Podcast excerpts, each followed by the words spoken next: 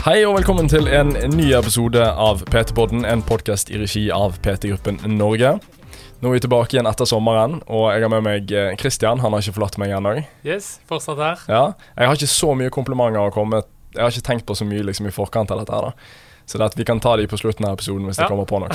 Ja. Og så har vi med han som jeg tidligere på sosiale medier har kalt uh, gudfaren i PT-bransjen. Atle Harensen, velkommen. Jo, hjertelig takk. Hyggelig å være her. Takk for at du kunne være med. Jo, bare supert. Ja. Og nå sitter vi her på et av de nyeste treningssentrene i Oslo, Sterk.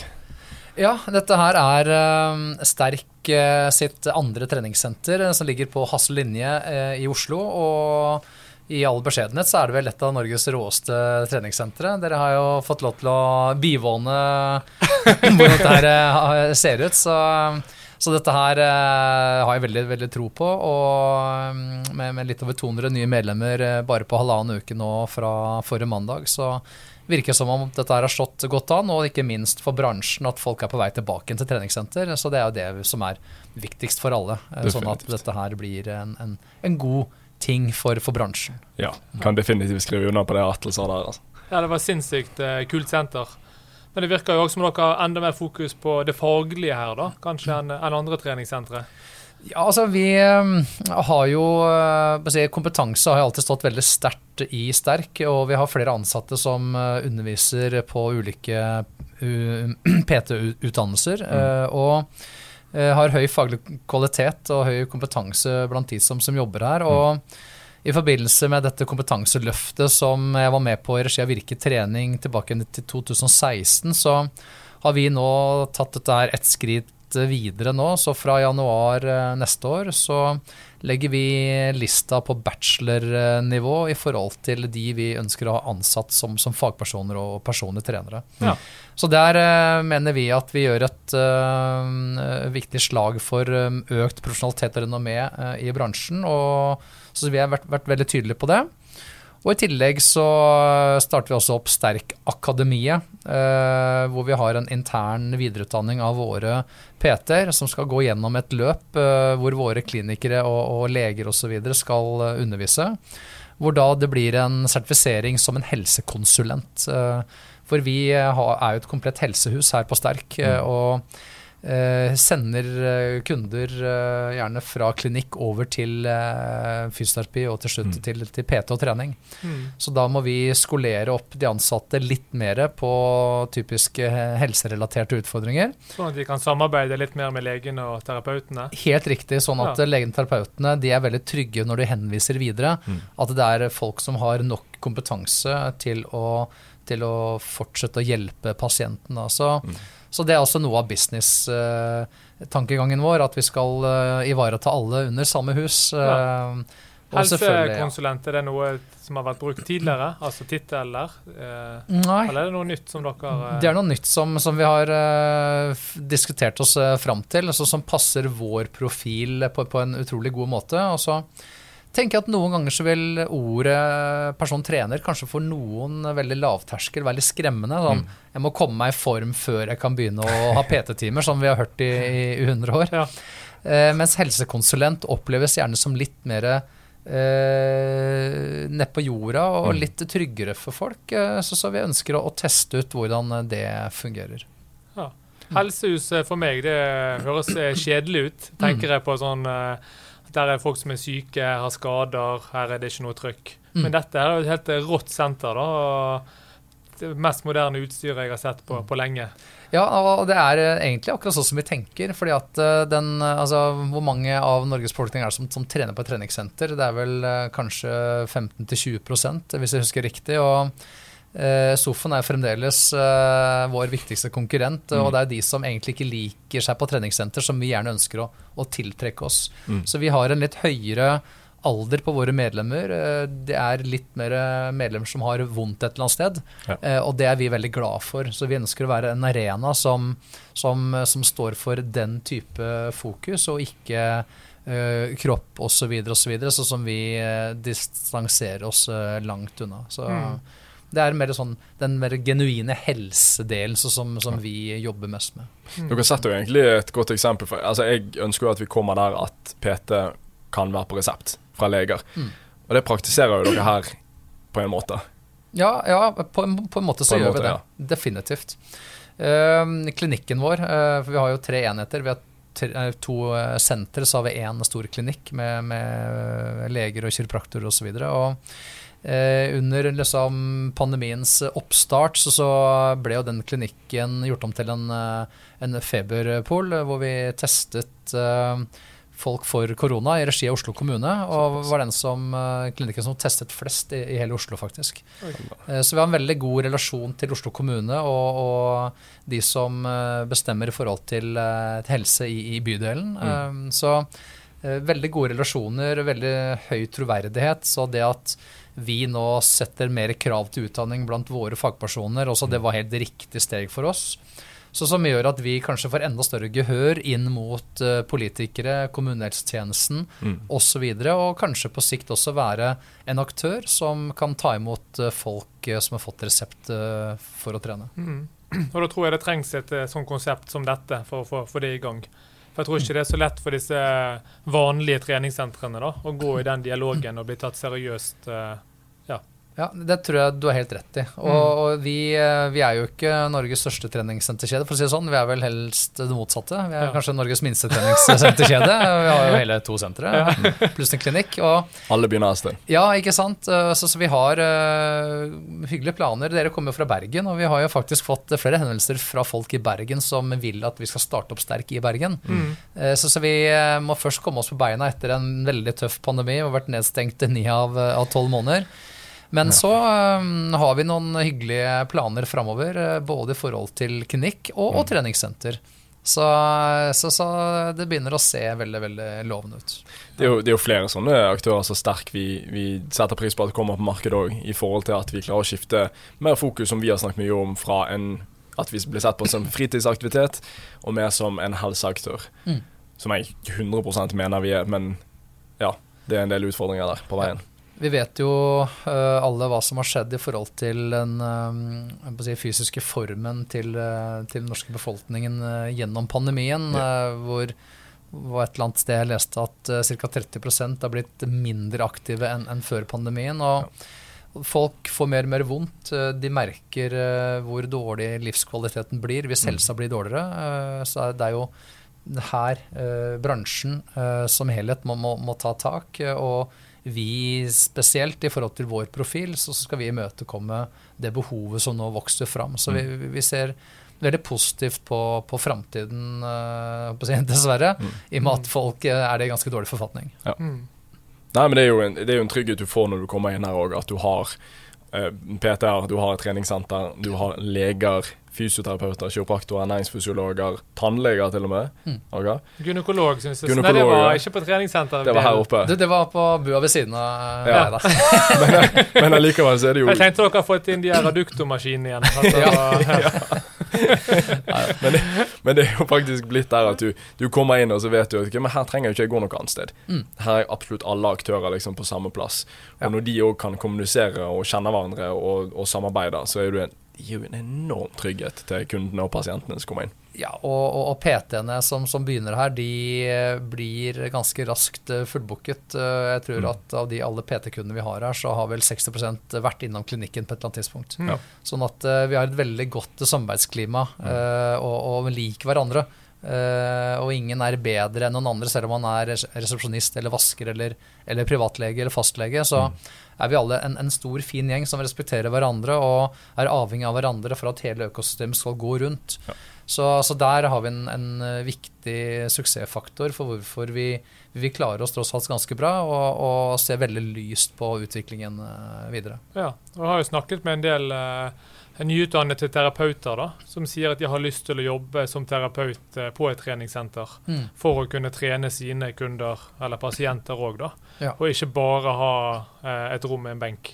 Ikke sant? Mm, eller et sånt litt sånn kjedelig treningsrom med en slynge og noe kabler og litt sånn småting. Ja, altså det er jo Se for meg en situasjon hvor det hadde vært en behandler som hadde vært inne på et kontor hele dagen, mm. Eh, kontra en eh, aktiv fysioterapeut eller en person trener eller helsekonsulent som har et stort helsestudio å, å dra nytte av. Mm. Til og med gå ut uh, når anledningen uh, Mm. innbyr til det. ikke sant? Så, så selve jobbhverdagen uh, må jo være mer interessant hvis du har flere ting å spille på. Ja, Mm. så jeg tenker jo det dette som må bli fremtiden kontra disse klinikkene som kun har behandlingsrom. Mm. Vi også tror veldig på det. Mm. Så, så, så vi gleder oss til å komme ovenpå nå. bruke resten av året på å ta inn det tapte, og, og vel så det. Og Mm. så skal vi vokse videre. Ja, ja. Mm. Og det er litt eh, de samme tankene som vi har med vårt eget PT-senter i, i Bergen òg. Mm. Det med å ha behandlingsrom og PT-er og næringsfysiologer på ett senter. Og at terapeutene da kan ta med seg kunden ut. Ja. Mm. Mm. Det gjør jo levedyktigheten òg til Ikke bare levedyktigheten, men, men det sosiale for fysioterapeuter og kiropraktorer behandlere generelt sett. Å være en del av et større samfunn. Mm. Mer sosialt. Gøyere jobbsituasjon. Mm. Mest sannsynlig mer potensial for utvikling òg. Ja. Å kunne spille det er jo, Alle har jo noe å lære av hverandre. Mm. Sant? Så lenge de er åpne til det, så er det jo eh, vanvittig mye å hente av, eh, av god informasjon og erfaring fra, fra andre aktører, Mm. som folk absolutt ikke burde være redd for å ta imot. Absolutt. Men eh, du har jo gjort en, en del ting i denne bransjen som gjør at du gjerne er kommet her du er i dag, med dette synet på hvordan du vil ha sterk, da, eller hvordan du liksom vil hjelpe sterk å, å sette dette sammen. Eh, hva har du gjort før? Du, øh, ja, øh, jeg har uh, Jeg begynte i bransjen uh, i 1997. Øh, dere var jo født da, tror jeg? Ja, jeg 90-tallet. Jeg er født på 1990, så Christian er litt eldre enn meg. Men. Ja. Nei, altså, 1997 så gikk jeg rundt med lua i hånda, for da hadde jeg hørt om noe som het SATS, som hadde startet opp. Og da hadde jeg gått et par år på idrettshøyskolen og øh, si, ville ha en ekstrajobb. Og så jeg syntes det var gøy å ha råd til mer enn én øl på studentkroa på torsdager. eh, uten å gå i bakken av den grunn, eh, økonomisk. Eh, Så, så da fikk jeg jobbe på Sats Ila, eh, som ikke eksisterer i dag, men det ligger på Alexander, Alexander Kiellands plass i Oslo. og Da fikk jeg meg jobb som eh, resepsjonist. Eh, sto der eh, i luka, som jeg kaller det, i to dager i uken. Og så hadde jeg én dag i uken som treningsveileder, da, hvor jeg hadde som oppgave å ta imot nye medlemmer, ride med treningsprogram og ønske dem lykke til videre. og trodde at det var veien å gå. Mm. Ja. Eh, og etter hvert begynte jeg å ha mye sykkeltimer og mye gruppetreningstimer og sånt noe. Og ja, jobbet i bransjen lenge. Og etter hvert så begynte jeg å jobbe mer og mer som, eh, eller mot PT. Begynte å fatte interesse for det. Og eh, ja, til slutt eh, jobbet jeg som ansvarlig for individuell trening i, i SATS eh, etter å ha vært eh, der fram til 2007, og så begynte jeg da i Elixia. Mm. Som så var en, eh, den store konkurrenten på den tiden. Og det var litt sånn rart å jobbe ti år i Sats og så gå over til den store konkurrenten. Det er som å jobbe ti år i Coca-Cola, og så Ja. begynner du i Pepsi. Ja. Den, var, den eh, satt litt langt inne, men eh, en av grunnene var jo at eh, jeg hadde noen tanker rundt treningsveiledning som jeg så ikke fungerte i det hele tatt. Mm. Og heller rettet mot PT, som jeg tenkte at måtte vært my mye smartere å gjøre for å få ned frafallet, og også begynne å skape en business av det i seg selv. De tankene syns ikke Sats var noe særlig eh, interessante. Eh, Så da tenkte jeg at nei, men greit, da får jeg begynne å leke med noen andre som, eh, som syns det var interessant. da. Mm. Og dette her var jo på den tiden, så var det sånn ganske spesielt å, å foreslå å legge ned hele treningsforledningskonseptet og bare ha persontrening. Ja. Så jeg husker på en strategisamling i Lexia i 2007 på høsten der, og så var det alltid en strategisamling med alle lederne ble, ble samlet på på Holmsbu spa Mm, eh, den gang. Ja. Eh, Hvor det var god stemning og, og sånt. Da skulle alle nye tanker presenteres. Og da var det like før jeg fikk kasta tomater og egg på meg. og liksom, Dette, her kan, dette er jo hårreisende. så, så det var ganske tøft å, å liksom tørre å, å dra den helt ut. Men ja. uh, vi, så heldigvis ganske kjapt at dette her eh, var liv laga. Mhm. Og, og hvorfor har man treningsveiledere? Hvorfor hadde man det? Hvorfor har man persontrenere? Mm. Jo, det er jo først og fremst for å redusere frafallet eh, blant medlemmene. Mm. Eh, Så hvis man klarer å få ned den frafallsprosenten, så, så vil jo man ha en mye mer solid og trygg business. Så kan PT-businessen komme som en sånn eh, ekstra hyggelig gevinst utover det. da, og man var redd for at frafallet skulle eksplodere. ikke sant? At folk eh, fikk jo ikke hjelp til det de skulle, og fikk én time, og så måtte de betale for mer. og Det var ganske, Mm. Ganske dårlig stemning en periode. Men nei, det ble god stemning eh, til slutt. Og eh, når man da eh, har en vanvittig omsetning på PT, og frafallet i tillegg gikk ned Mm. For at det var såpass mange som begynte å bruke PT, at, og de slutter jo ikke. Nei. Det vet jo vi. Mm. Mm. Ja, Eh, ja. De er de mest fornøyde medlemmene så, som man kan ha på treningssenter. Så, eh, så da har det vært eh, veldig hyggelig eh, å vært med på hele den reisen der, da. Ja. Så eh, for halvannet år siden så ga jeg meg i sats. begynte å prate med, med dere bl.a. Christian i PT-gruppen. Og jeg fulgt med på hva Christian har gjort i mange år. Vi har jobbet sammen, og Ja. Utmerket seg som den beste PT-lederen i, i Leksa-kjeden. Så, ja. så sånn er det jo. Nå fikk du de komplimentene kom, du eh, trengte. de måtte dukke opp. Jeg, jeg syns jeg måtte gi deg Ja, ja, ja, den, Christian.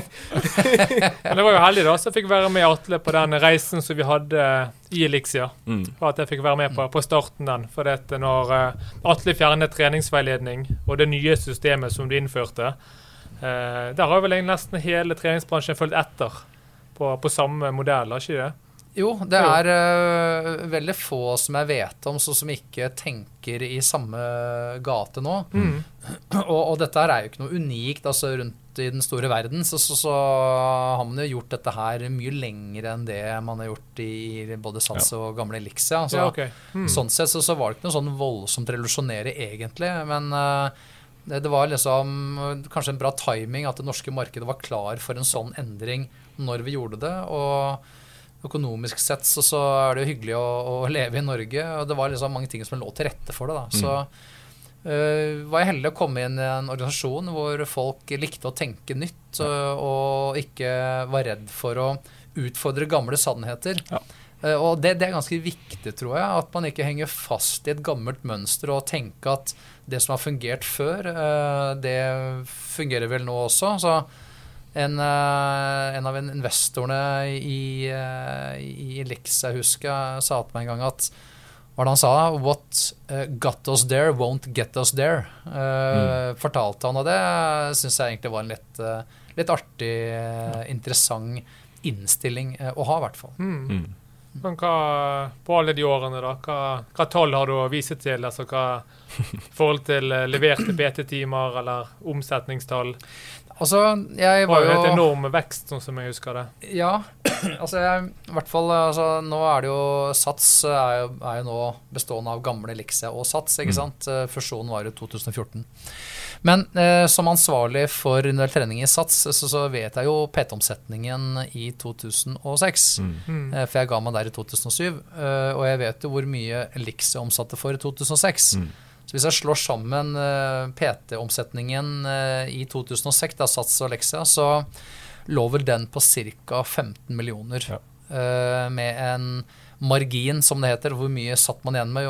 Man, satt igjen med 17-18 kun da, Ja, ok. eh, på båndlinjen. Mm. Eh, sånn det var ting, Lønnsmodeller, priser var ikke satt i system, sånn at det var bare noe som Ja, ja, jobb litt som PT, det går fint, for det, er jo det andre vi, vi driver med. Ja. Mm. Eh, men eh, i 2019, uh, Sats uh, Lexa, så da Sats, så er vi oppe i, i 270 millioner i, i omsetning, Mm. eh, med en dekningsgrad på 35 Så da, da begynner det å bli ganske betydelig del av totalomsetningen til et stort selskap Mm. som kommer fra PT. Mm. Og når vi også husker på at uh, frafallet også har gått ned, Mm. som uh, virkelig er store penger. For eh, når man har 220 medlemmer og la oss si at Nei, 220 000 eh, medlemmer i, Ja. i Norge, da, og, og mange tusen av de er medlemmer i én eller to eller tre måneder ekstra, Mm. som, hvor de betaler la oss si 500 kroner i måneden. Ja. Så, så er det bare å gange opp, og da er det vanvittig store tall. Ja. Så, så sånn sett så, så, så er PT i min verden utrolig viktig for et Mm. treningssenter. Og så er det selvfølgelig mange andre ting som også bestemmer frafallet. Gruppetrening, renhold, vedlikehold, service, ikke minst. Mm.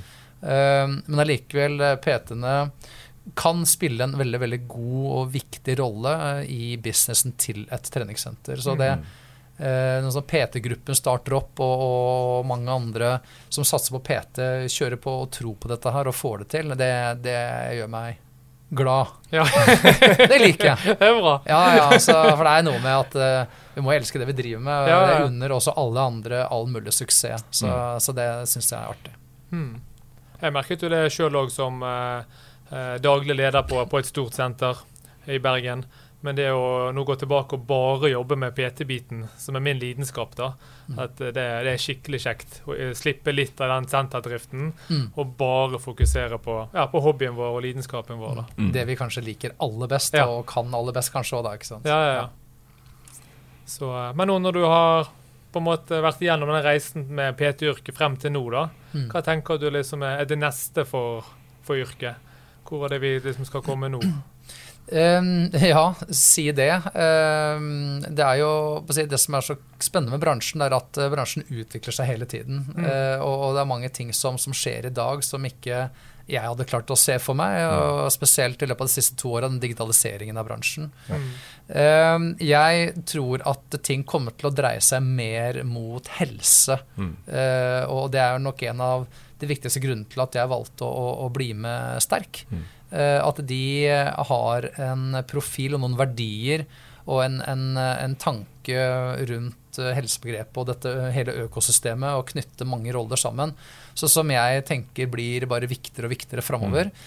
Jeg tror at uh, et veldig ensidig fokus på utseende tror jeg blir passé. Det er mer fokus på utdanning, gode verdier. Eh, ikke det at det må jo være lov å se bra ut, og det kommer alltid til å ligge der. Men jeg tror vi, vi liksom ser mindre og mindre av den type markedsføring blant Mm. de store profesjonelle aktørene, Mm. og mer mot uh, helse og livsstil og, og livskvalitet. Mm.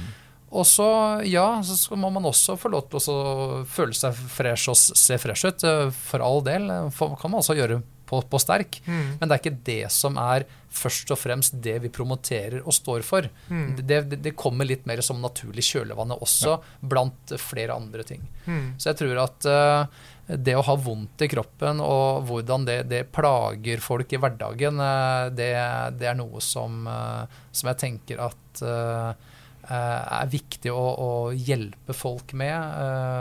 og, og virkelig bygge opp under eh, en, en sunn livsstil eh, kombinert sant, trening og kosthold. Mm. Den der mentale coachingen også har vært utrolig viktig for meg opp gjennom mange år. Og ser hvor, hvor viktig det er med denne psykologidelen eh, i dette yrket her. Eh, så dette med eh, å skape business har for meg alltid vært utrolig viktig. Altså, man skal skape business. Eh, man jobber tross alt eh, med, med business. Men Mm. Eh, vi jobber i en bransje som er utrolig bra for folk. Eh, og da sover jeg godt når vi skaper stor business, når jeg vet at folk får et bedre liv gjennom det produktet vi leverer. Mm. Få et bedre liv. Nesten eh, oss, det, som er PC-gruppe. Vi har jo vi endrer liv. Ikke sant? Ja. Ja, ja. Så, så, så det, det her må gå hånd i hånd. Ja. Men, men for meg også så starter det med god kvalitet og, og utdanningsnivå Mm. osv. Så, videre. så dette med, med utdanningskrav og, og og faglig utvikling som man har Mm. gått ferdig på universitet eller høyskole øh, og skal begynne å jobbe, at man da ikke stopper opp og ikke er nysgjerrig på å utvikle seg videre. For, Mm. fordi at verden utvikler seg. Forskningen øh, si, finner ting som øh, stemmer i dag som, som man trodde stemte eller ikke stemte osv. Så, videre. så Ja. så det er jo noe som også er utrolig viktig for meg, og, og som selvfølgelig eh, var, var spennende å diskutere med dere i PT-gruppen når vi møttes eh, for ikke så altfor lenge siden og begynte Mm. å ha disse diskusjonene om hvordan vi kan eh, gjøre kompetanse enda mer tilgjengelig for, for folk flest, og hjelpe folk med det. Mm. Så hvilke utdanningsaktører er du involvert i nå? Du, jeg, eh, akkurat nå jobber jeg for Høgskolen Kristiania. Mm. Eh, De eh, var jo den første aktøren som startet en årsenhet innenfor personlig trening. Mm. Som jeg syns var fantastisk. Jeg ble spurt hva jeg syns om det for mange mange år siden. Så sier jeg at jeg tipper at om ikke så altfor lenge så vil en årsenhet være minimumskravet til bransjen, og det, det gikk jo sånn. Mm. Nå har de startet Norges første bachelor i persontrening. Den, eller det studiet heter trening og coaching. Ja. Bachelor. Uh, startet uh, for ett år siden, så nå starter kull nummer to nå i, i august. Uh, og med, med stor søkemasse. Så om to år så er de først ferdige, da? Helt riktig. Ja. Helt riktig. Og, og, og de har nå lagt ned årsenheten. Så de eh, ønsker ikke å ha en årsenhet eh, innenfor helse og livsstil og, og coaching og kosthold. Eh, De mener at nivået må ligge på bachelor minimum. Og jeg er enig i det. Mm. Og det er også en av grunnene til at vi da valgte å gjøre dette på sterk og, og heve minuskravet opp til bachelornivå. Eh, og vi har en veldig god dialog med Virke trening, mm. med Høgskolen Kristiania, også NIH og, og flere andre aktører så, som er veldig enig i grunntankene her. ikke sant? Så, så hva som kommer til å skje framover nå på utdanningssiden, eh, så tror jeg blir veldig, veldig spennende. Mm. Traff jo på han eh, ene PT-en her på Sterk i resepsjonen. Ja. Han sa han akkurat var ferdig med, med mastergraden sin. Ja. Eh, så det er veldig kjekt det å se at eh, nå folk har høye utdanninger når de, når de starter som PT-er. Mm. Men tenker vi òg da at det vil kanskje på sikt nå heve statusen til det yrket litt? Vi, vi håper definitivt det. Og så eh, monitorerer jo jeg, og har gjort det i veldig mange år. Altså hvilke trenere er det som lykkes i dette faget her? Mm. hvem er det som eh, klarer å beholde kundene sine over tid? Hvem er det som viser til ordentlig kvalitet? For det er jo en liten sånn er- erkjennelse at eh, hvis du er veldig flink til å prate med folk og få folk til å like deg, så, så er det lett å rekruttere kunder uansett eh, utdanning eller ikke. Mm. Men jeg ser samtidig et helt klart mønster i forhold til hvilke PT-er som er stabilt dyktige over tid. Ja. Og der er det en helt klar sammenheng mellom utdanningsnivå Mm. og hvor lenge de lykkes i dette yrket her. Å, spennende. Det handler jo om å ha mange bein å stå på. Ja.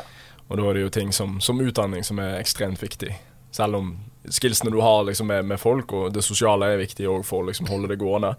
Men eh, du, du skal jo bruke kunnskapen. Og du, det er kommer jo kundekaser fra alle mulige steder, sant? med alle mulige forskjellige utfordringer. Og sånn som hos dere, så kommer det jo folk fra forskjellige aktører, og alt fra lege og kiropraktor og fysio. Ja, ja. og ikke bare det som Atlant, at du skal kunne klare å samarbeide med Ikke minst.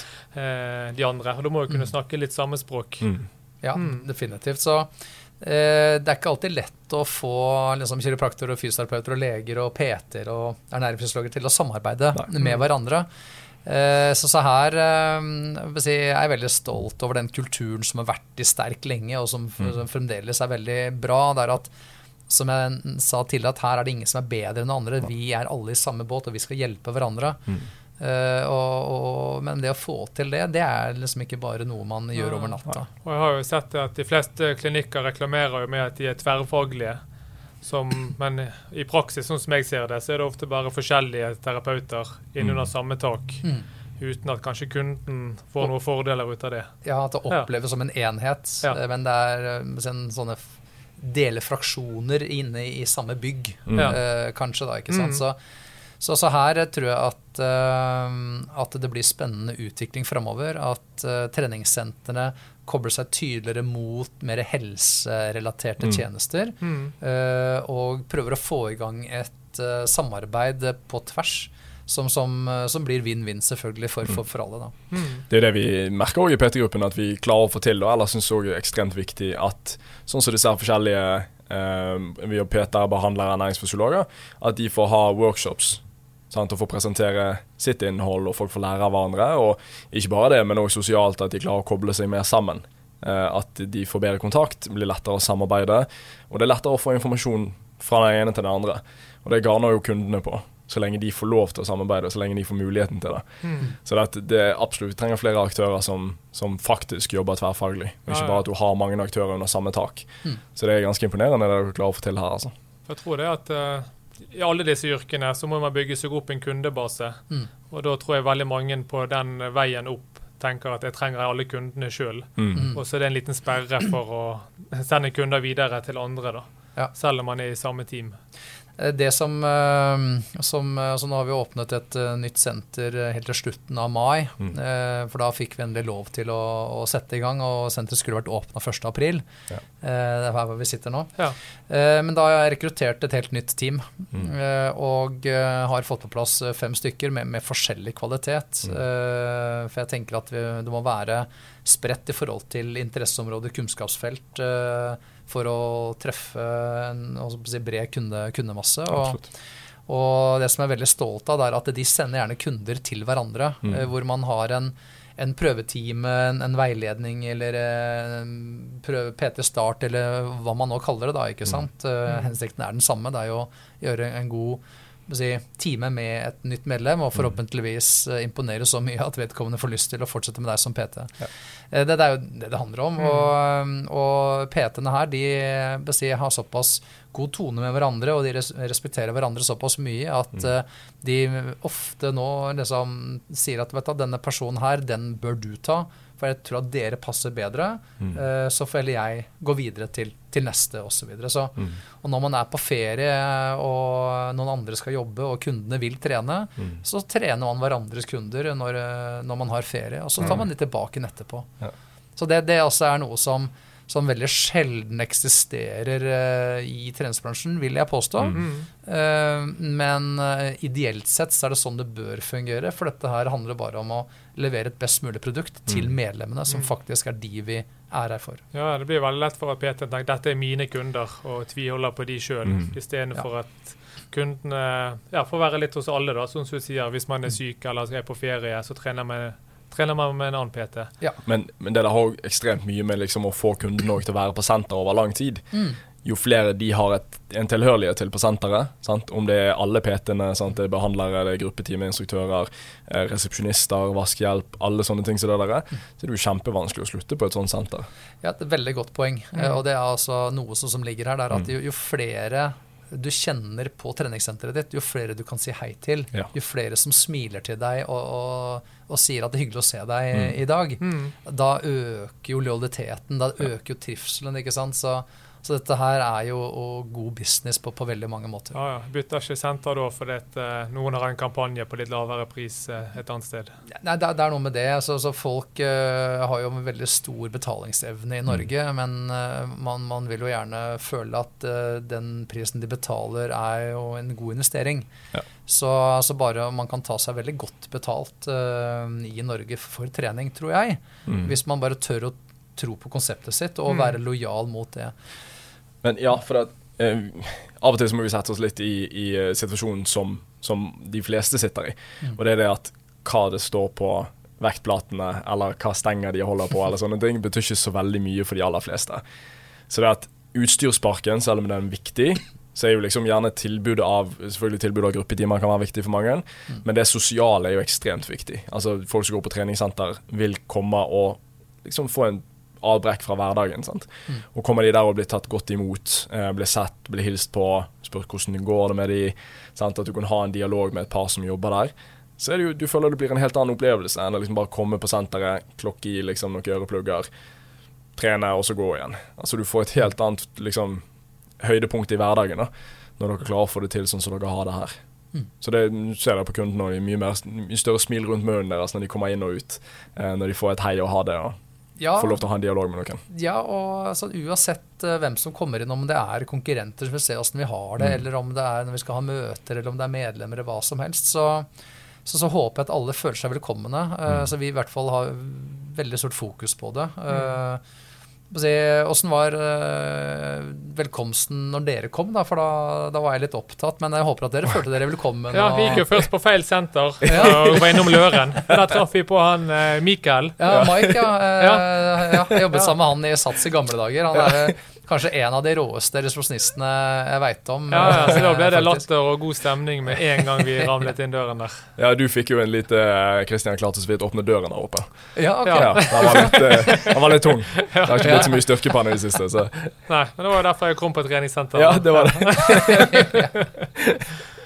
Nei, vi, vi, ble veldig godt tatt imot. Og dere sto fire stykker ute når vi kom, så det var jo Og jeg fikk kommentar med en gang at jeg drev og, Det var for deg, det. At jeg drev og dokumenterte og filmet og vlogget og styrte ja. på. Men jeg, nei, vet du hva, altså, jeg, jeg, liker jo veldig godt treningssenteret. Men jeg er jo et sosialt vesen, sånn som veldig mange andre er. Og det å komme inn på en måte og For det første så er utstyrsparken dødsflott her.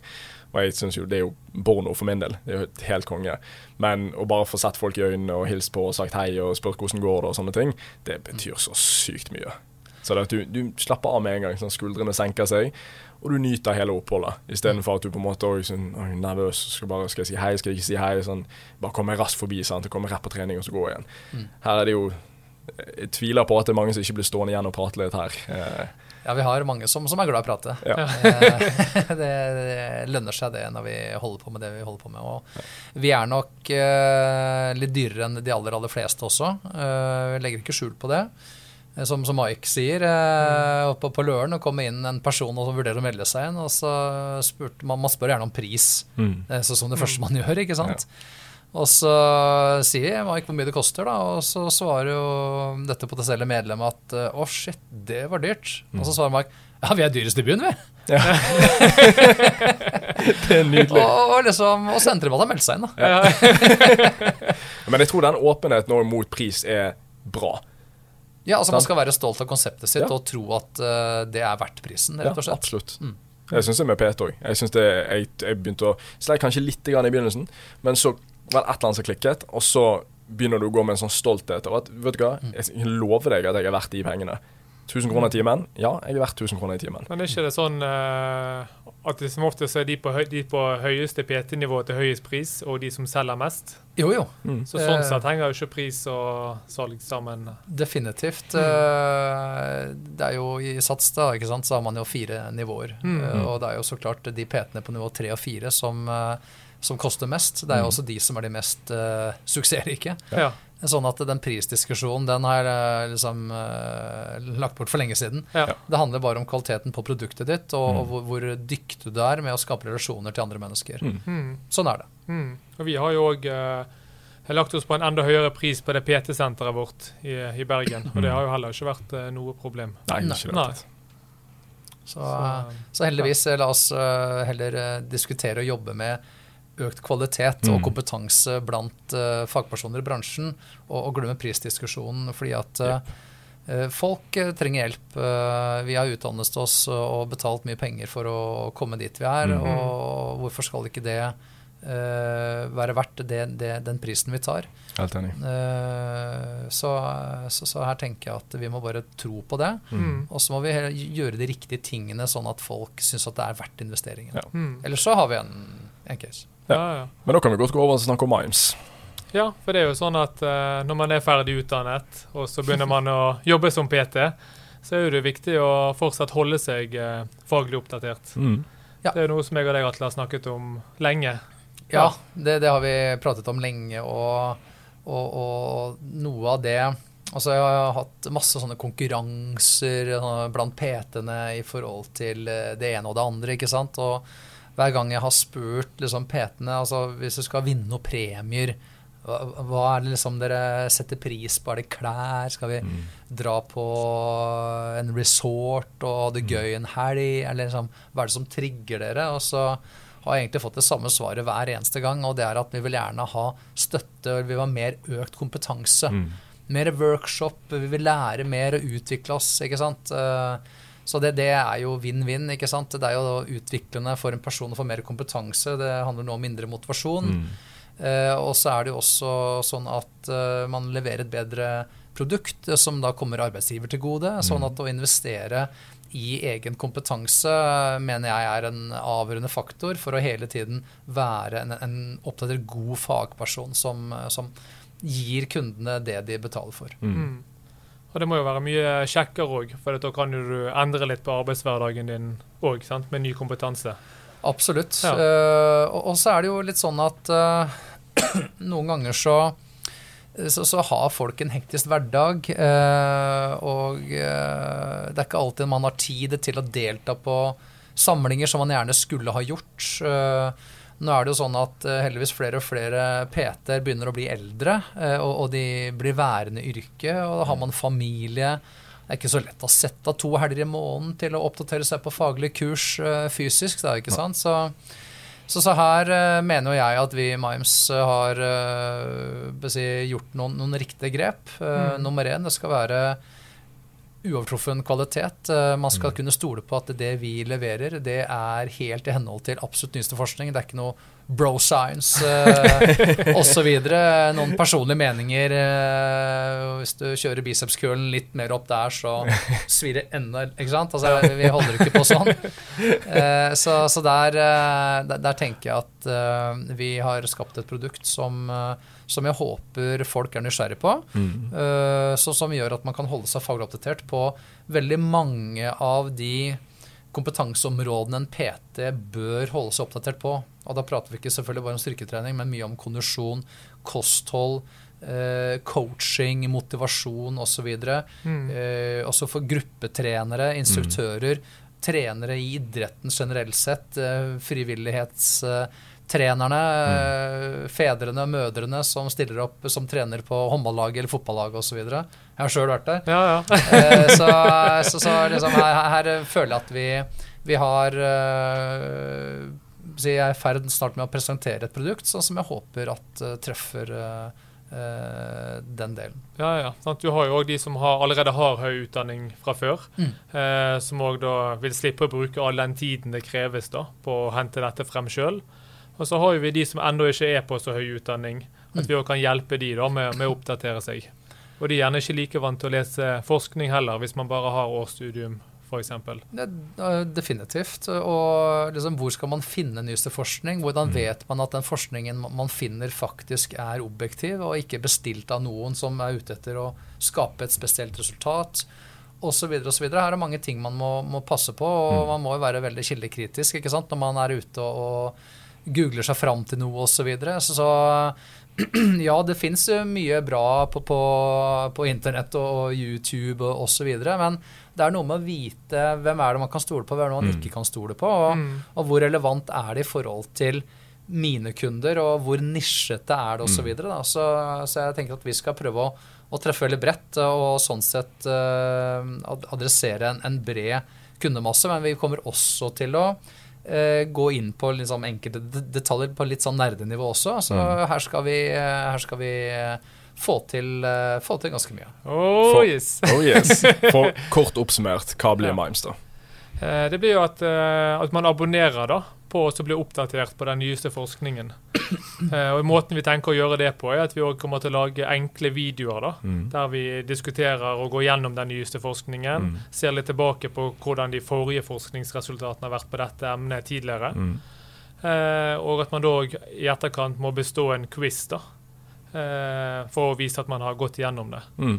Og Når den er bestått, så vil det bli lagret av kursbevis inne på, på brukeren din og at du hele tiden kunne få ut lister på all forskningen du har gjennomgått og bestått. Alle kurs du har tatt som gjennomgått og bestått. Mm. Eh, så man har det i forhold til jobbsøknader eller andre ting. da. Mm. Så har man, har man, det å vise til.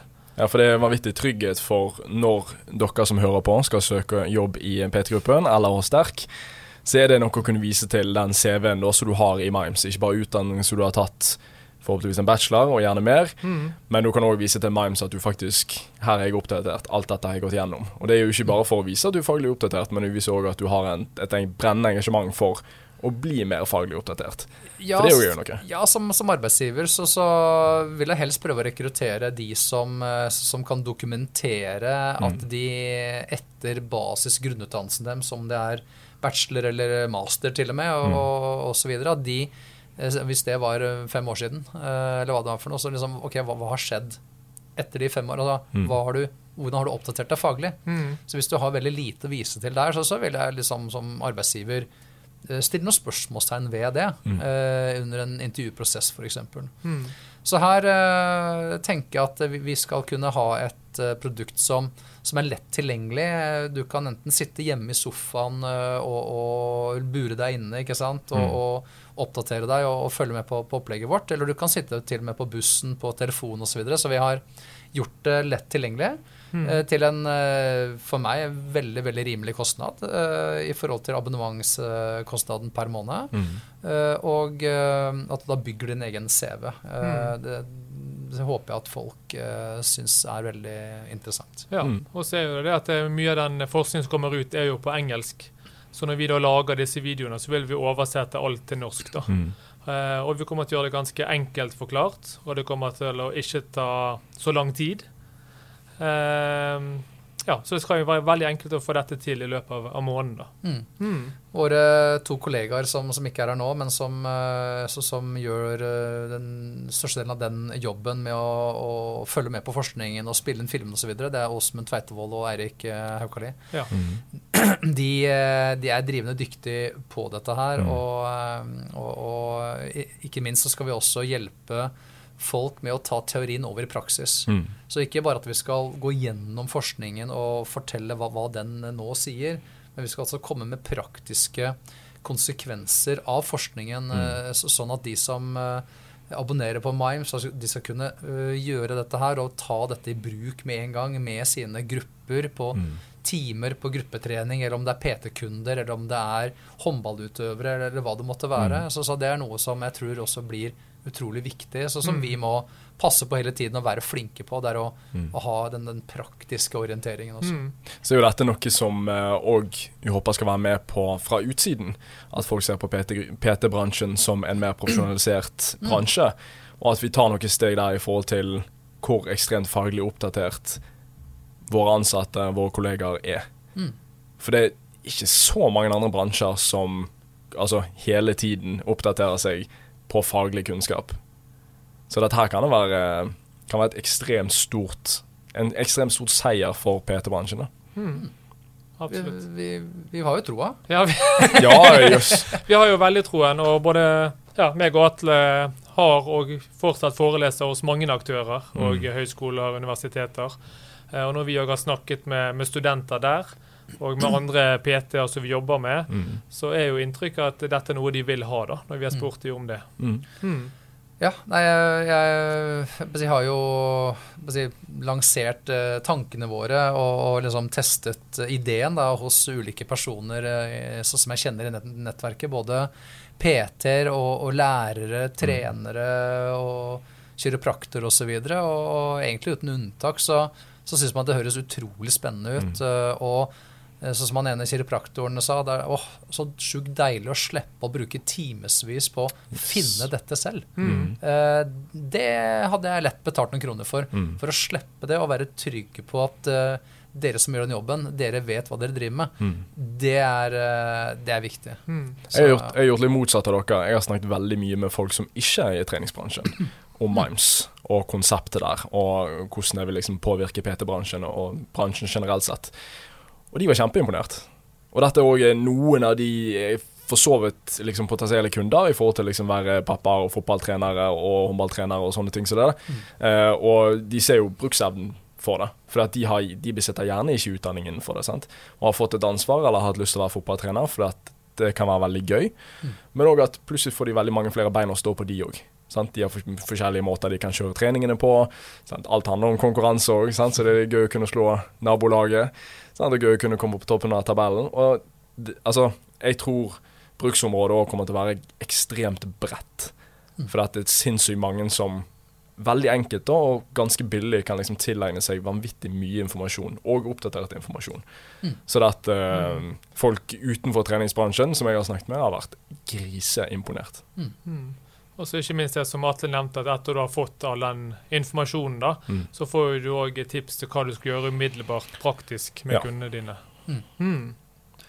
Eh, jeg blir jo veldig spent på hvordan eh, disse utdanningsaktørene eh, reagerer. eh, på om de ser dette her som en, en konkurrent, eh, Mm. eller en, bare en, en berikelse og en, eh, en, bare enda en ting som er med på den profesjonelle bransjen, og sånn som kommer alle til gode. Mm. Eh, og jeg tror jo og håper på, på det siste, at man eh, ser på dette her som en utrolig spennende ting. og eh, jeg gleder meg til å gå i dialog med mm, si, Peter, treningssenter eh, og kjeder og, Mm. og disse utdanningsinstitusjonene for å, for å prate om det vi driver med, og hvordan vi kan, eh, kan spille sammen på, på best mulig måte. Mm. Eh, så jeg tror at det ene eh, ikke det går på bekostning av det andre, men at vi liksom hele tiden kan jobbe sammen eh, til et eh, felles mål. Mm. Da tror jeg også at, eh, at alle drar, drar nytte av det. Mm. Jeg tror det blir en enorm berikelse. Altså Jeg tror det kommer til å øke levedyktigheten til, til folk i bransjen, hvis vi snakker om bransjen primært. Uh, og det er jo noe å vise til for de som driver utdanningsinstitusjonene. Sant? Og for å rekruttere folk til utdanningsinstitusjoner, eller til å ta kurs og utdanninger og bachelor og mastergrad, Mm. så er det noe å vise til at ok, men levedyktigheten og, og generelt sett profesjonaliteten eh, i bransjen er blitt mye større. Vi er forhåpentligvis nærmere en helsestatus. Mm. Får det på resept. Får flere typer sentre som Sterk, våre PT-sentre. Eh, andre sentre som gjerne blir flinkere til å jobbe tverrfaglig. Eh, og PT får et, en høyere respekt blant andre aktører i tillegg i helsebransjen. Og det, Mm. det har vært så trengt. Enormt, enormt løft Mm. Vimes kommer til å gi. Mm.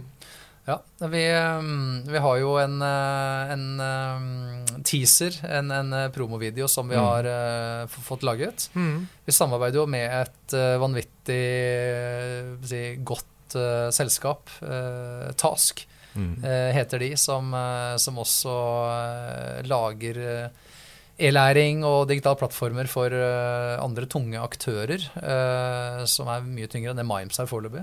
Men vi, vi er veldig trygge på, i hvert fall syns jeg, da, at vi, vi skal kunne tilby et veldig bra konsept allerede fra oppstart. Er, vi er vel klare en gang i Q1 uh, 2022. Mm. Da er vi klare for, for lan, lan, lan, lan, lansering, heter det. Eh, og eh, ja, altså det er, Nå er det på tide. Vi skulle egentlig starta før sommeren, ikke sant. Eh, Mm. mens eh, dette blir gjort ordentlig. Og eh, ja, satser på at det blir eh, så bra som vi håper på. Ja, så dette er noe som eh, du som enkeltperson kan kjøpe og abonnere på. Mm. Men det er òg noe du kan snakke med din arbeidsgiver om, om du ønsker at senteret skal gå inn og, og kjøpe en løsning. da, Hvor eh, vi da har, kommer med en løsning for hele senteret og alle ansatte. Mm. Mm. Og så ser vi ikke bort ifra at noen eh, kommer til å be oss om hjelp til å spille inn ulike forelesninger. Kanskje det er et eller annet tema de vil at Mm. eh, vi skal hjelpe dem med, som er kun tilgjengelig for de ansatte på, på det senteret eller i den kjeden. Mm. Mm. Eh, Så vil også vi selvfølgelig kunne tilby skreddersydde løsninger dersom noen ønsker at vi skal eh, bidra med det. Og med oss som er involvert i, i MIME, så, så, så sitter vi på såpass bred kompetanse at det er ganske mye vi eh, er i stand til å, å gjøre, tipper jeg. Og har ikke vi den kompetansen eh, internt hos oss, ja, men da må vi hente den eksternt. Mm. Eh, Så jeg gleder meg til å se hvordan vi får utvikla dette selskapet her eh, framover. Men det du nå eh, ser for deg da, fremtiden for bransjen, det er egentlig kompetanse? da, At det er det som er litt veien videre for, for, for PT-ene? Jeg eh, mener og, og tror og håper det. Uh, Og hvorfor sier jeg det? Jo, fordi at eh, det er en erkjennelse at vi gjennom pandemien ikke er blitt hørt av helsemyndighetene. De, har, de ser fremdeles på treningssenteret som en useriøs eh, bransje hvor eh, Det er stygt å si det, men for å være ærlig, så, så disse som, som styrer dette landet her, de eh, vet ikke veldig mye om hva som skjer på treningssenter, og de tror det utelukkende handler om store muskler og, og stramme topper. Eh, og, og dermed så, så får vi den, det renommeet og det ryktet på oss, eh, og det kan vi skylde oss eh, selv i en veldig, veldig stor grad. Så med mer kompetanse, mer seriøsitet, større profesjonalitet, så tror jeg at det samarbeidet med, med myndighetene og helsetjenesten kommer til å dra nytte av det. Mm. Så, så da må vi også være grundige på, på utdanning. Da, Mm. Det hjelper ikke å ha mye fancy utstyr eh, hvis ikke resten også henger med. Mm. Men dette er jo ikke bare treningssenterbransjen, eh, men generelt sett med helse. Så jeg, Den nyeste episoden av Hjernesterk med Mats Kagestad og Ole Petter Gjelle, Ja. der tar de opp eh, dette temaet. liksom Hva parti er best på helse? Og Ole Petter Gjelle var ganske brutal og sa ingen. Mm. Ingen av de er gode i det hele tatt på det. Og sa vel ett spesifikt parti som var absolutt verst på det, eh, i tillegg. Um, så det, at, det, det er jo ikke bare treningssenterbransjen heller, men det er liksom generell bevegelse, aktivitet, helse, ernæring. Utrolig nok folkehelse som liksom er oppi alt det der. Mm. Så ikke det liksom Det er ikke et tema de tydeligvis har lyst til å lære seg veldig, veldig mye om, da. Nei, Som de fokuserer på, som de prøver, tror er et salgsargument. Det er helt absurd. Absolutt. Altså, for at uh, vår bransje skal bli en, en viktig folkehelseaktør, så er det jo, tror jeg, viktig at uh, vi som fagpersoner innehar en ganske bred kompetanse, og spesielt innenfor dette med, med, med, med livsstilscoaching, da, Mm. uh, hvor trening må ikke foregå på et treningssenter. Eh, Du, Mm. du kan få gjort veldig mye utenfor treningssenteret. Så jeg håper at også at treningssenteret blir en arena der folk søker kunnskap Mm. om å få hjelp til en aktiv eh, hverdag og livsstil, Mm. eh, som ikke nødvendigvis trenger å foregå på et treningssenter. Så det også tenker jeg kan bli litt eh, spennende framover, å se om Mm. vi, vi, vi kommer oss mer imot den retningen. Mm. Ja, kommer ikke der i Bergen, i hvert fall. Ingen stå Bare regnværsdager. Ja. Nei, men jeg, vi, jeg, tror vi er på god, eh, jeg tror vi er på god vei uansett. Jeg tror det er mye som har blitt gjort uh, egentlig det siste året òg, som gjør at uh, Ikke bare med, med ting som har stått i, i, uh, i gang, men òg liksom innstillingsmessig til de i bransjen. Så tror jeg vi begynner å sikte oss inn på, på rett bane. ja, Definitivt. la oss uh, virkelig håpe det. Ja, jeg husker jo for en god del år siden Atle, at du nevnte at uh, fremtiden kommer til å bli mer nisjesentre. Mm. Men nå er jo du i gang med det. Så Ja. ja Ab absolutt. eh, mer spisskompetanse. Og eh, igjen, det som jeg syns er så gøy med å jobbe i den bransjen her, eh, det er at det, det skjer noe hele tida. Mm. og dette med butikk, eh, fitness, ikke sant? gruppetreningssentre, Mm. sånn à la Barris Bootcamp, Mm. eh, og disse som eh, disse Askeladden-investorene Mm. åpner jo sine butikk, eh, gruppefitnesssentre osv. ja. Og Og via PT-senter. via PT-senter, Mm. og forhåpentligvis så blir det bare mer av det. Ja. Ja. Så jeg tenker at det her eh, er det artig. Ja, ja, ja. Mm. Og det er jo ikke lett nå hvis du bare, bare skal starte et vanlig treningssenter. Full sortiment, gruppetrening. Mm. For man er jo ikke noe spesielt. Mm. Så jeg, jeg ser jo det at eh, for å kunne skille seg ut nå, så må man spisse seg, da. Så tror jeg jo bare sånn generelt sett mellom PT-er så merker vi at det er flere og flere som står og heier på hverandre. Mm. Uansett hva aktør de jobber i, uansett hva senter de er på, så er det flere og flere som ønsker at kollegaer da, liksom på tvers av, på tvers av sentrene skal lykkes.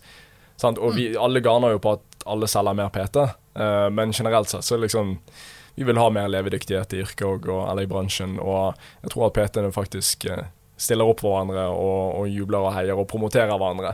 Mm. En kjempestor case. Det, er- eller altså en kjempestor positiv case som har skjedd egentlig det siste, det siste året. Ja. For det har liksom kommet ja, noen som har stått fram og liksom prata for, for, eh, for bransjen generelt sett. Og jeg tror ganske mange har samla seg bak det. Og har funnet litt sånn, eh, Spesielt her i Oslo, så dere var stengt så lenge. Så det er ganske mange som har funnet litt, eh, litt samhold. Litt sårt trengt samhold. Ja. Mens ting var tungt. Det er fantastisk. eh, Og det er liksom den stoltheten for yrket, ikke sant. Mm. Eh, Så det er utrolig mange dyktige PT-er, eh, gudskjelov. Og Mm. når man da blir stengt ned og får ikke lov til å jobbe med, med yrket sitt, og man vet hvor viktig det er for folks helse, Mm. så, så, så, er det ganske sårt. Mm. Det er litt sånn tøft å, å få den eh, midt i fleisen. Ja. Ja, du får jo egentlig fleisen at uh, yrket ditt ikke er bra nok eller seriøst nok. Du er useriøs, du er en cowboy. Mm. Uh, Det er jo liksom det inntrykket altså. man gjerne sitter igjen med. Ikke sant? Det, er Mm. ikke noe, det er ikke den beste følelsen. Nei, eh, i verden. verden. ikke. Så det at egentlig at eh, alle aktørene hever nivået på PT, er jo vinn-vinn for alle. Mm. Ja. Mm. Definitivt. Absolutt. Så, så det å framsnakke hverandre, det, det tror jeg er viktig. Å, å respektere hverandre som fagpersoner og Mm. ha et godt samhold. Mm. Mm. Det, det tror jeg vi, vi skal være rause uh, når vi skal uh, si, jobbe i samme bransje. Nei, men kanon. Yes. Det høres bra ut, det. Da tror jeg uh, mange som får noe igjen for å høre på denne podkasten, iallfall. Så jeg har fortsatt ikke kommet på noen eh, sånn supre komplimenter om deg, egentlig. Jeg føler jeg har brukt ganske mange i løpet av de eh, episodene som vi har eh, og nå fikk du noe liksom midt under episoden. jeg prøvde å dra i gang eh, Ja. litt der, i hvert fall. Ja, Hvis ikke det blir bedre, så blir ikke flere med på flere episoder. Nei, det var det, da. Jeg får en liksom skriftlig advarsel nå, liksom. Ja, ja, ja. Dette står jo i kontrakten at du skal ha litt komplimenter og sånt. Ja. Du klarte jo, du klarte jo utrolig nok å kvalifisere deg til benkpress-NM, da. Med to ødelagte skuldre. ja. Altså, det er jo en seier i seg sjøl. Ja, Det blir jo sånn når jeg har drevet med friidrett hele livet, så tenkte jeg nå er det på tide å bruke overkroppen litt òg. Ja, ja. Så nå har jeg begynt å pumpe litt eh, benk. Ja, Ja. så det er vel Oi, oi, oi. Er det 29. november? Vi snak, uh, nei, jeg vet, jeg vet bare at det var i november. Ja, OK. Jeg tror det Ja. er slutten av november, i hvert fall. jeg ble vel egentlig bare utfordret av noen andre PT-er, uh, og da fant jeg ut at jeg ville slenge meg på. Mm. Ja. Ja. Nei, det gikk ganske bra, det. Ja, vi får se, da. Ja, vi får se, ja, vi får se på Erna. Vi er kvalifisert, i hvert fall. Men, da- men da ble jeg nysgjerrig, for dette er jo ganske langt unna min interesse. For jeg driver på golfbane og sånn. jeg, Men, men eh, hva skal jeg si eh, hvor, mye må du løfte av for å hevde det? Altså Skal du delta, eller skal du liksom hevde det? Han skal delta. I første omgang nå så blir det å delta. Ja. Og så får vi egentlig se litt på nivået, da. Altså Nivået i Norge er jo egentlig ganske høyt. Altså På benkpress så du skal gått opp mot 200 kilo i under 93 kilos-klassen Mm. for å hevde deg. Men jeg kommer til å stille minus 83. Ja, vi får se, da. Vi se, da. Sitter jo litt løst den her. Ja. Jeg er faktisk bare 84-85 nå. så Er du det? Ja, okay. Ja, ja. ja, men da er det litt lavere. Men Ja. eh, du må opp en 20 kilo, tror jeg, hvis du skal Ja. ha noen sjans. Jeg tror du må opp på 160, mellom 160 og 180 kilo i hvert fall. Ja, da er det pallplass, tror jeg. Mm. Så det at, eh, han, er ikke, han er ikke langt unna. Åsmund er- er fortsatt den sterkeste i Mimes i benkpress, men ja, ja, eh, det, han er ganske brutal. Ja. ja, men det hadde vært gøy med en uh, NM-medalje i en idrett til før, uh, Ja, før jeg blir 40. ja, ja, ja. Vi jobber jo, vi jobber jo med, med folkehelse her, men det må jo være lov av for Ja. fagpersoner å nerde litt grann også. Ja, ja, ja. Jeg snakket jo om at vi må fornye oss og alt sånt, så hender jeg opp til gode gamle benkpressen. eh, Ja, en liten uh, avslutningsvis en historie fra satstiden min Uh, f- må si, rundt 2002-2003 eller noe sånt. Mm. Og så eh, begynte jeg å få ansvaret for en region her i Oslo, og tenkte at fader, å sette i gang konkurranser, eh, det må jo være bra for å rekruttere PT-kunder. Og liksom, jeg tenkte jo hva syns jeg hadde vært gøy? Mm. Eh, Det er den største feilen selvfølgelig man gjør. Altså, hva jeg syns er gøy, det syns sikkert alle andre er kjempegøy. Altså, når vi trener kunder, jo, så trener vi kunder sånn som vi trener oss sjøl. Mm. Og det også er helt håpløst, ikke sant? Men ok, så, så sånn er det. så så jeg liksom fant ut at vet du hva, benkpresskonkurranser, det tror jeg slår an. og så hadde jeg en eh, region på en sånn seks-syv senter ikke sant? og satte opp tre PT-timer eh, som premie til han som vant. Eller hun som vant, for så vidt. Mm. Var jo selvfølgelig kun menn som stilte opp på en sånn meningsløs konkurranse. Ja. Eh, og, og det som skjedde, var at det var han, han ene som eh, var sterkest. Han reiste rundt på alle sentre og vant alle konkurransene.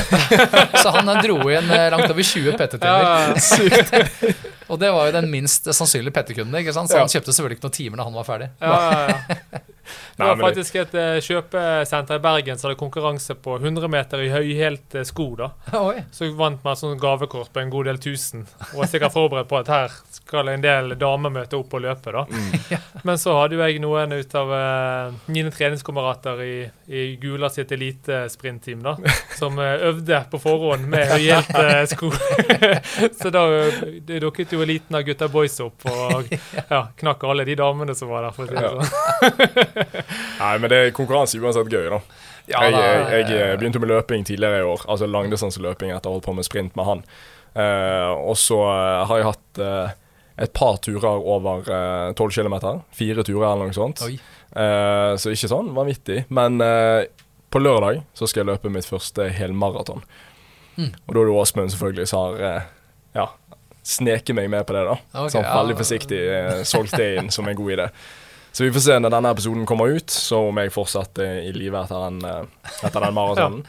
Eh, men eh, Det er bare å ønske deg lykke til. jo, tusen takk. Jeg tror jeg trenger all lykkeønskning jeg kan få, i hvert fall. Men nå når uh, høsten er da, og treningssentrene åpner igjen, har du noen uh, siste tips Atle, til PT-er som uh, skal starte opp nå og få sekunder? Mm.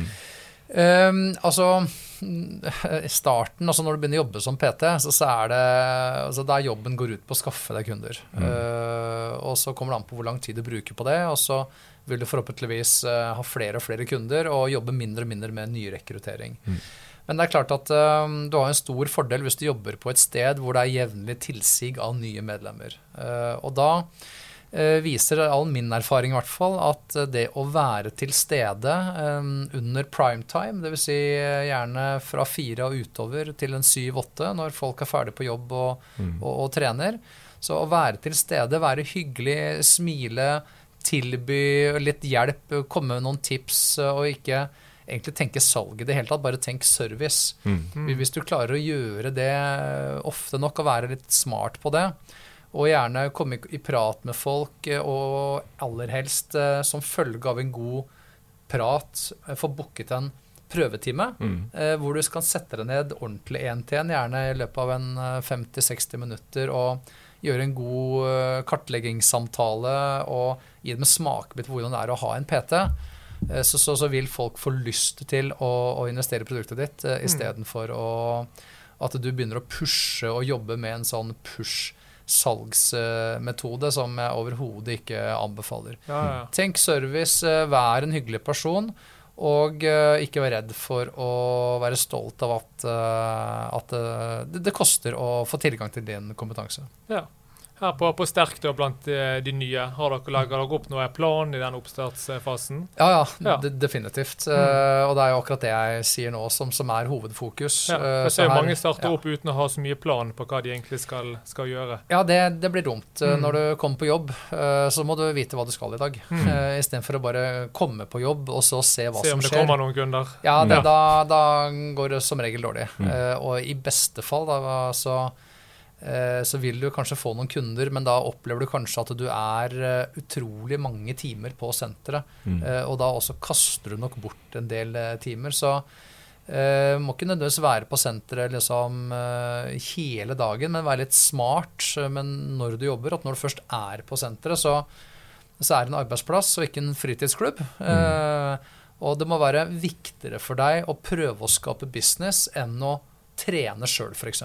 Mm. Det er lett Så- for at man begynner å snakke mye med kollegaer, de i resepsjonen. Mm. Trener man sjøl, og så snakker man med andre trente på senteret. Ja, som ligner på meg selv, ikke Ja. sant. Mm. Eh, For da er det best stemning, og vi har mest til felles. Det er lettere å prate med folk som uh, lurer på det samme som meg, og syns Mm. at de samme tingene er, er artig. Så, så jeg blir litt sånn lei meg når jeg ser at Peter PT-er prøver å få kunder sånn eh, midt på dagen, hvor det ofte er litt roligere på et Mm. normalt treningssenter. Og så Mm. kommer primetime etter klokka fire, og så kommer folk. Og da er det noen PT-er som tar av seg arbeidsuniformen, og da skal de trene sjøl. Mm. Mm. Ja. Det skjønner ikke jeg. Du gjør jo ferdig med egentreningen når det er veldig lite folk på senteret. Og Mm. når du likevel har tenkt å være på senteret ditt fram til klokka fem eller seks, Mm. da bør du jo ha litt eh, fokus på, på businessen din når det er flest potensielle medlemmer som, som kommer inn døra. Mm. Mm. Ja, det var mye bra, bra forslag der. Kanon. Det må dere bare ta med dere, de som hører på.